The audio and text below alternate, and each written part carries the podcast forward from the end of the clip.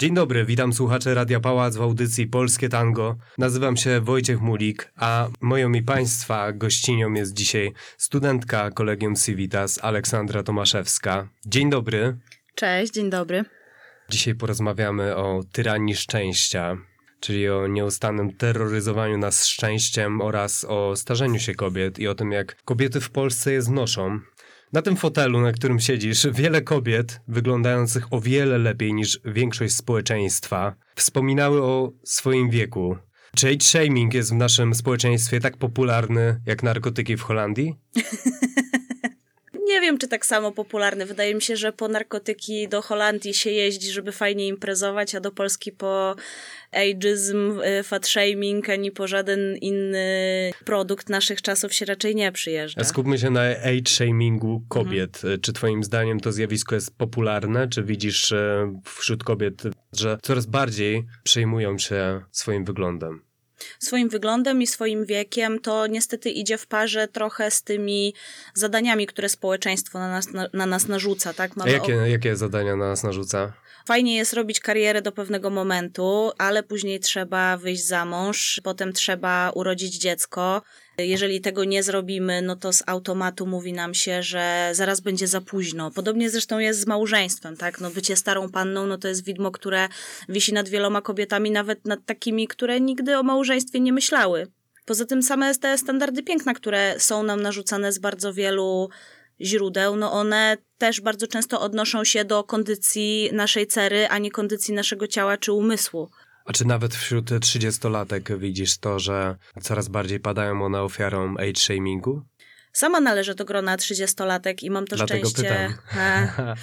Ja, ja mam to szczęście, że mnie to personalnie za bardzo nie dotyka, natomiast y, w związku z tym, że pracuję w branży rozrywkowej, to spotykam się z dziewczynami, które swój wizerunek traktują bardzo poważnie i, i wiem, że to się niestety zdarza, że rozpatrujemy to, czy jakaś dziewczyna nie jest przypadkiem za stara, żeby na siebie coś założyć, albo nie jest za stara, żeby o czymś zaśpiewać, albo nie jest za młoda, żeby móc się wypowiedzieć na jakiś temat.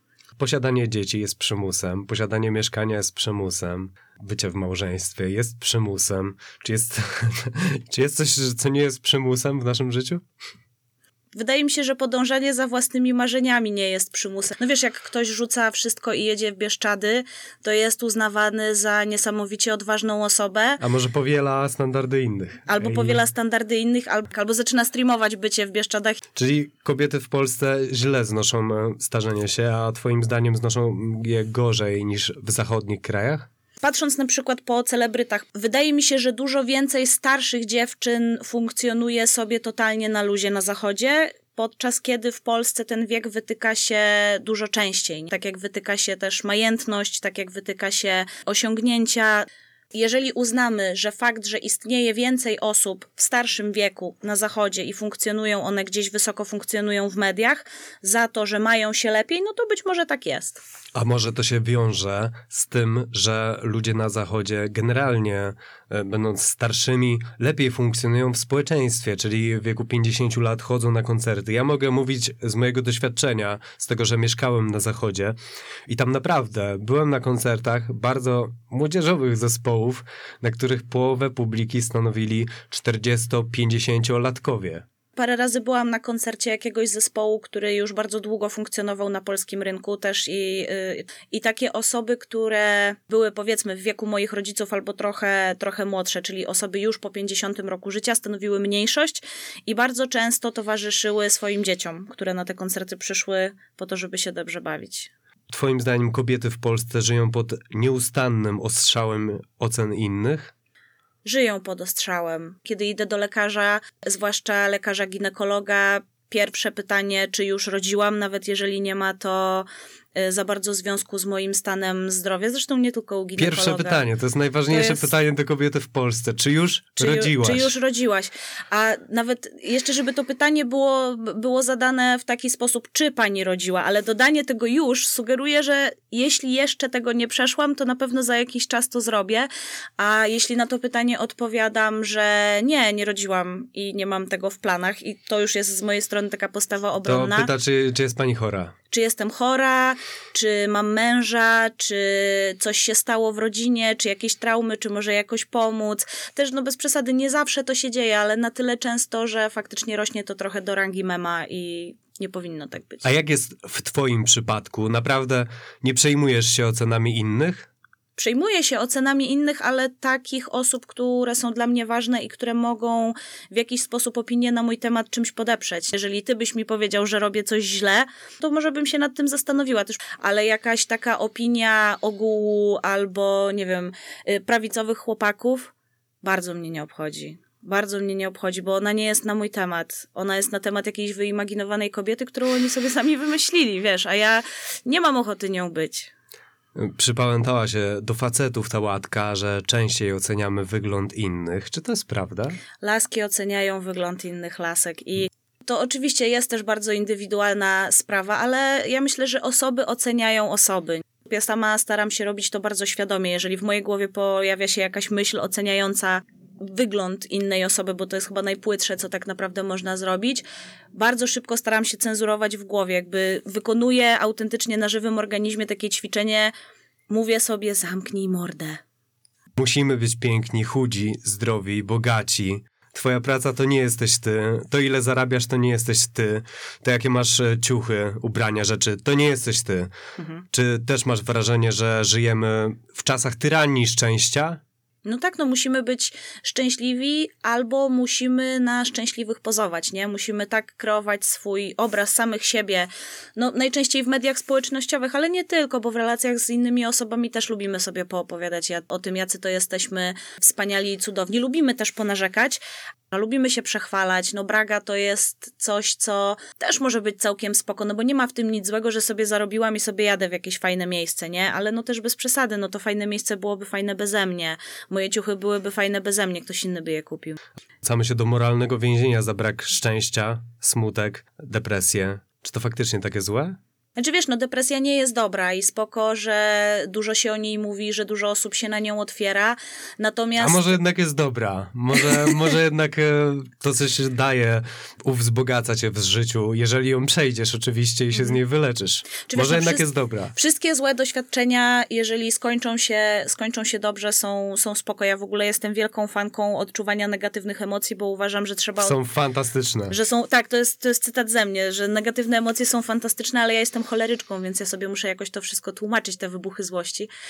Ja nie powiem, że depresja sama w sobie jest beznadziejna, natomiast jeżeli komuś uda się z niej wyjść i wyciągnąć lekcje, więcej się o sobie dowiedzieć, ja w ogóle robię trochę takie sociale, które polegają na śmianiu się z rzeczy, które dotyczą jedzenia i które mogą czasami kogoś razić, bo mówienie o tym, że można się cieszyć tym, tym jedzeniem, nawet jak się jest grubym, albo chudym, albo za grubym, albo za chudym, jeśli. No to jest trochę śmianie się z poważnych rzeczy, nie? Z, To dobrze. Z zaburzeń jedzenia i właśnie wyśmiewanie czasami tego strachu. No tak, ale co zmieni to, że będziemy nad tym płakać?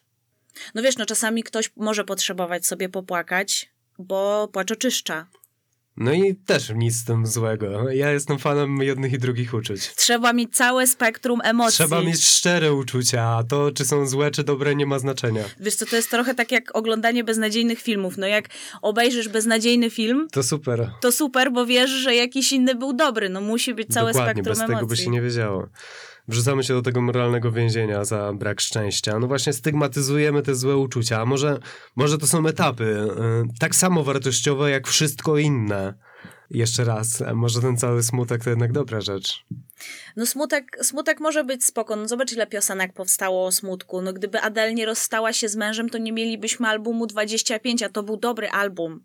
Więc no, można wyciągać też i content z tego, jeżeli chcemy do tego podejść super cynicznie, no to jak ja się wkurwię, przepraszam, jak ja się wkurzę, no to dla mnie to też jest motorem do działania, bo czasami jak się na coś zdenerwujesz albo zesmucisz, to, to postanowisz, że musisz zmienić to, co cię wkurzyło, albo to, co cię zasmuciło. No przecież to też jest rozwój, to też jest rodzaj jakiegoś albo samorozwoju, albo rozwoju jakiejś sytuacji. Wkurzy cię pracodawca, rzucisz papierem, ekstra.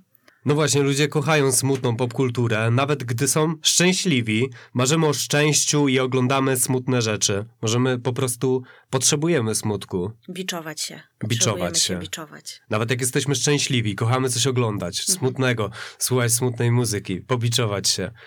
No. Może ta cała kultura walki ze smutkiem, depresją jest bardzo szkodliwa wbrew pozorom.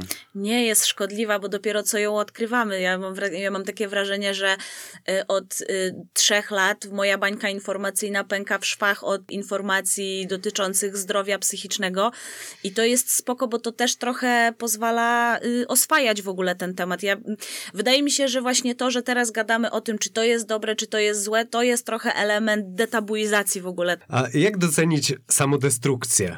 Jak wejść w ramiona smutku? Jak wejść w ramiona smutku? Kurde. Ja mogę powiedzieć, jak wejść w ramiona złości. Po prostu nie rozwalić niczego i, i przypilnować, żeby cię nikt nie pozwał potem, ale, a, ale jeśli to chodzi była o trudne. smutek, to tak, to było trudne. Ale, bo wiesz sobie, ja rzadko w ogóle kiedykolwiek jestem smutna, bo dla mnie jakby negatywne emocje bardzo często właśnie kończą się na... z- złością. No jest memiczna strasznie, nie? Też, też swoją drogą I, i, i może o to trochę chodzi. No, może, może gdybym zaczęła odczuwać smutek, to czułabym się gorzej niż tak jak się po prostu wkurzam, ale ja jestem bardzo zdeterminowaną osobą i, i może stąd właśnie te wszystkie negatywne emocje na złości się kończą. Jak wyrwać się z unieszczęśliwiania się z powodu smutku? Ten przymus szczęścia powoduje u nas paradoksalnie zwiększenie, no powoduje smutek, depresję, ten przymus, o którym rozmawialiśmy, tyrania szczęścia. No tak, no bo konfrontujesz się z tym, co chcesz, a czego nie masz, nie? I to musi być bardzo bolesne. Czy mówię zupełnie tak, jakby mnie to nigdy nie spotykało? No to jest bolesne. Więc... Właśnie, kiedyś w Kanadzie na pustkowiu otworzono kina. Spowodowało to wzrost samobójstw o 90%. Ponieważ ludzie dlaczego? zobaczyli życie, którego nie mają. Okej. To było na pustkowiu. Okej. Popkultura kreuje nasze marzenia. no kreuje nasze marzenia, no przeglądamy się często, nie, w tych lustrach y, jakichś opowieści. Mówi się przecież też bardzo dużo o tym, że moje pokolenie jest bardzo pokrzywdzone przez bajki Disneya, bo one pokazywały miłość, która nie istnieje, no po prostu co druga laska chciałaby mieć jakiegoś księcia z bajki, który przyjeżdża na jakimś tam białym koniu, walczy ze smokiem, a to też jest bardzo niesprawiedliwe w stosunku do facetów, nie, no bo z jakiej racji, z jakim smokiem? Czyli jak wyrwać się z tego unieszczęśliwiania się z powodu smutku. No trzeba zrobić bardzo świadome ćwiczenie moim zdaniem. Mhm. wiesz, popatrzeć trochę na to, co mnie tak naprawdę zasmuca, co mnie rozczarowuje we mnie, na co mam wpływ, na co tego wpływu nie mam. Poszukać sobie ludzi, czy w internecie, czy w świecie, czy w kulturze, czy, czy, czy w jakimś środowisku, którzy dużo o tym mówią. No i przede wszystkim, wiesz, wychodzić trochę z tej swojej strefy komfortu, nie? Patrzeć na, na innych osób trochę otwar- bardziej otwartym sercem, bo... Czyli na konfederatów, na konfederatów patrzysz otwart- otwartym sercem? Ojej, ja na wszystkich patrzę otwartym sercem, bo wydaje mi się, że każdy ma prawo do tego, żeby, na kogo żeby najbardziej skrajnego? Kogo najbardziej skrajnie? Nie powiem ci. No powiedz, przyznaj się nam. Nie, no to wiesz, no mówimy o, o wszystkie przegięte, y, wszystkie przegięte Ale my postaci. tak nie mówimy, tylko no. otwarte serce, a w końcu i tak dochodzi do tego, że no dobra, to jest konfederacja. No, no to oczywiście, że są granice i każdy ma te granice trochę w innym miejscu, nie? No jakby nie ma jednej, y, jednej moralności, nie? Każdy ma swoją własną. Slut shaming. Mhm. Czym jest dla ciebie? Dla mnie to zjawisko ma dwa znaczenia.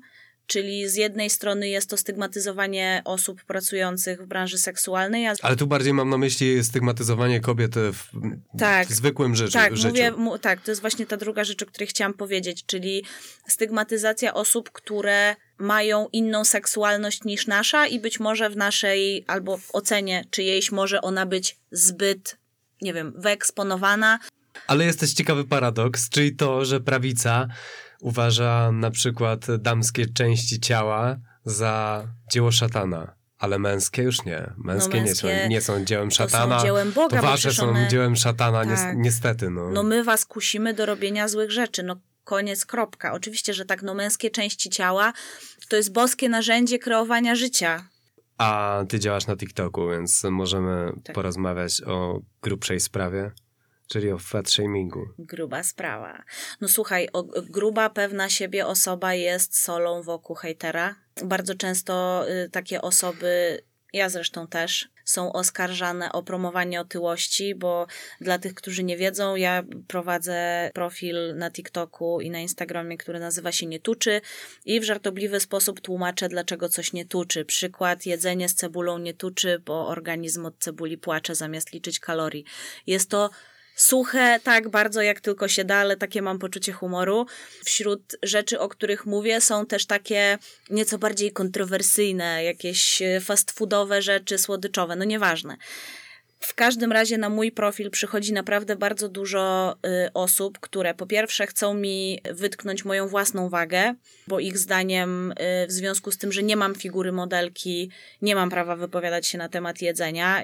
Y, te osoby przychodzą mi zakomunikować o tym, jak wyglądam, bo widocznie wychodzą z założenia, że ja nie mam lustra i że ja nie mam pojęcia, jak wyglądam. Przychodzą też osoby oświecone, żeby uprzytomnić mi, jak wielką krzywdę mogę zrobić osobom, osobom z To jaka jest najlepsza reakcja w życiu? Najlepsza reakcja to jest tak. I co z tego? Tak, i co sta- tak, no w sensie, ziomek, ja jestem, by, byłam gruba, jestem gruba, będę gruba, nie? Jakby super ekstra, dzie- znaczy dziękuję, nie? No robią zasięgi. Natomiast, wiesz, no są takie osoby, są takie profile na TikToku dziewczyn, które są grubsze ode mnie, dużo bardziej zakochane w swoim własnym ciele, dużo bardziej z nim pogodzone i ich content polega w głównej mierze na tym, żeby, y, żeby ciało pozytywnie o tym ciele opowiadać. I takie osoby miewa, miewają rajdy od hejterów i od osób, które mają jakąś misję. Często są to. I, I wiesz, i takim osobom się strasznie obrywa, a one po prostu są. I zarzuca im się promowanie choroby, promowanie otyłości przez to, że wrzucają sobie y, relacje ze Siebie. swojego spaceru, siebie, nie? To jest.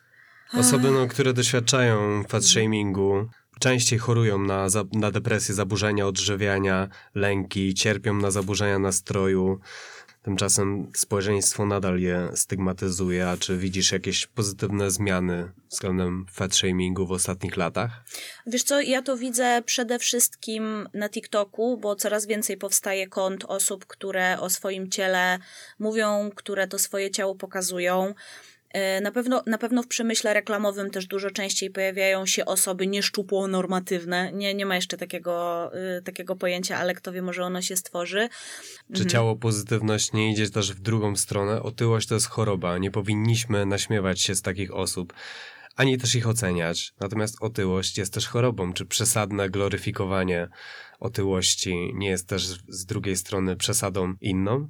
Znaczy wiesz, no to oczywiście, że są skrajności, no ale zaburzeniem odżywiania jest też anoreksja, która przez bardzo długi Oczywiście. czas była, była postrzegana jako. No tak żyją na przykład modelki, tak? Powiedzmy, że nie dojadają. Jakby żadna skrajność nie jest w porządku. Jeżeli. Ja, tylko, że wiesz, ja nie każdemu zaglądam kartę medyczną. Są osoby, które mają nadwagę i są zdrowe. No i co mają z nią zrobić, nie? Czasami, czasami się nie da, nie da pewnych rzeczy przeskoczyć. Jeżeli ktoś faktycznie jest chory i mówi, i w związku z tym jego waga jest dużo wyższa i mówi, że kocham swoją cukrzycę, nie pozbędę się jej, No tak, to kochanie cukrzycy jest okej. no to kochanie cukrzycy jest okej, no jego kochanie jego cukrzycy jest w porządku, no bo ta osoba po, jakby poniesie konsekwencje tego takie czy inne. Promowanie otyłości według mnie to jest slogan, który nie istnieje, bo ja szczerze mówiąc nie, nie widziałam żadnego konta, ale może nie wpadłam w odpowiednią bańkę, które wprost promowałoby otyłość. No dobrze, a czy nie jest tak, że kapitalizm wyczuł interes?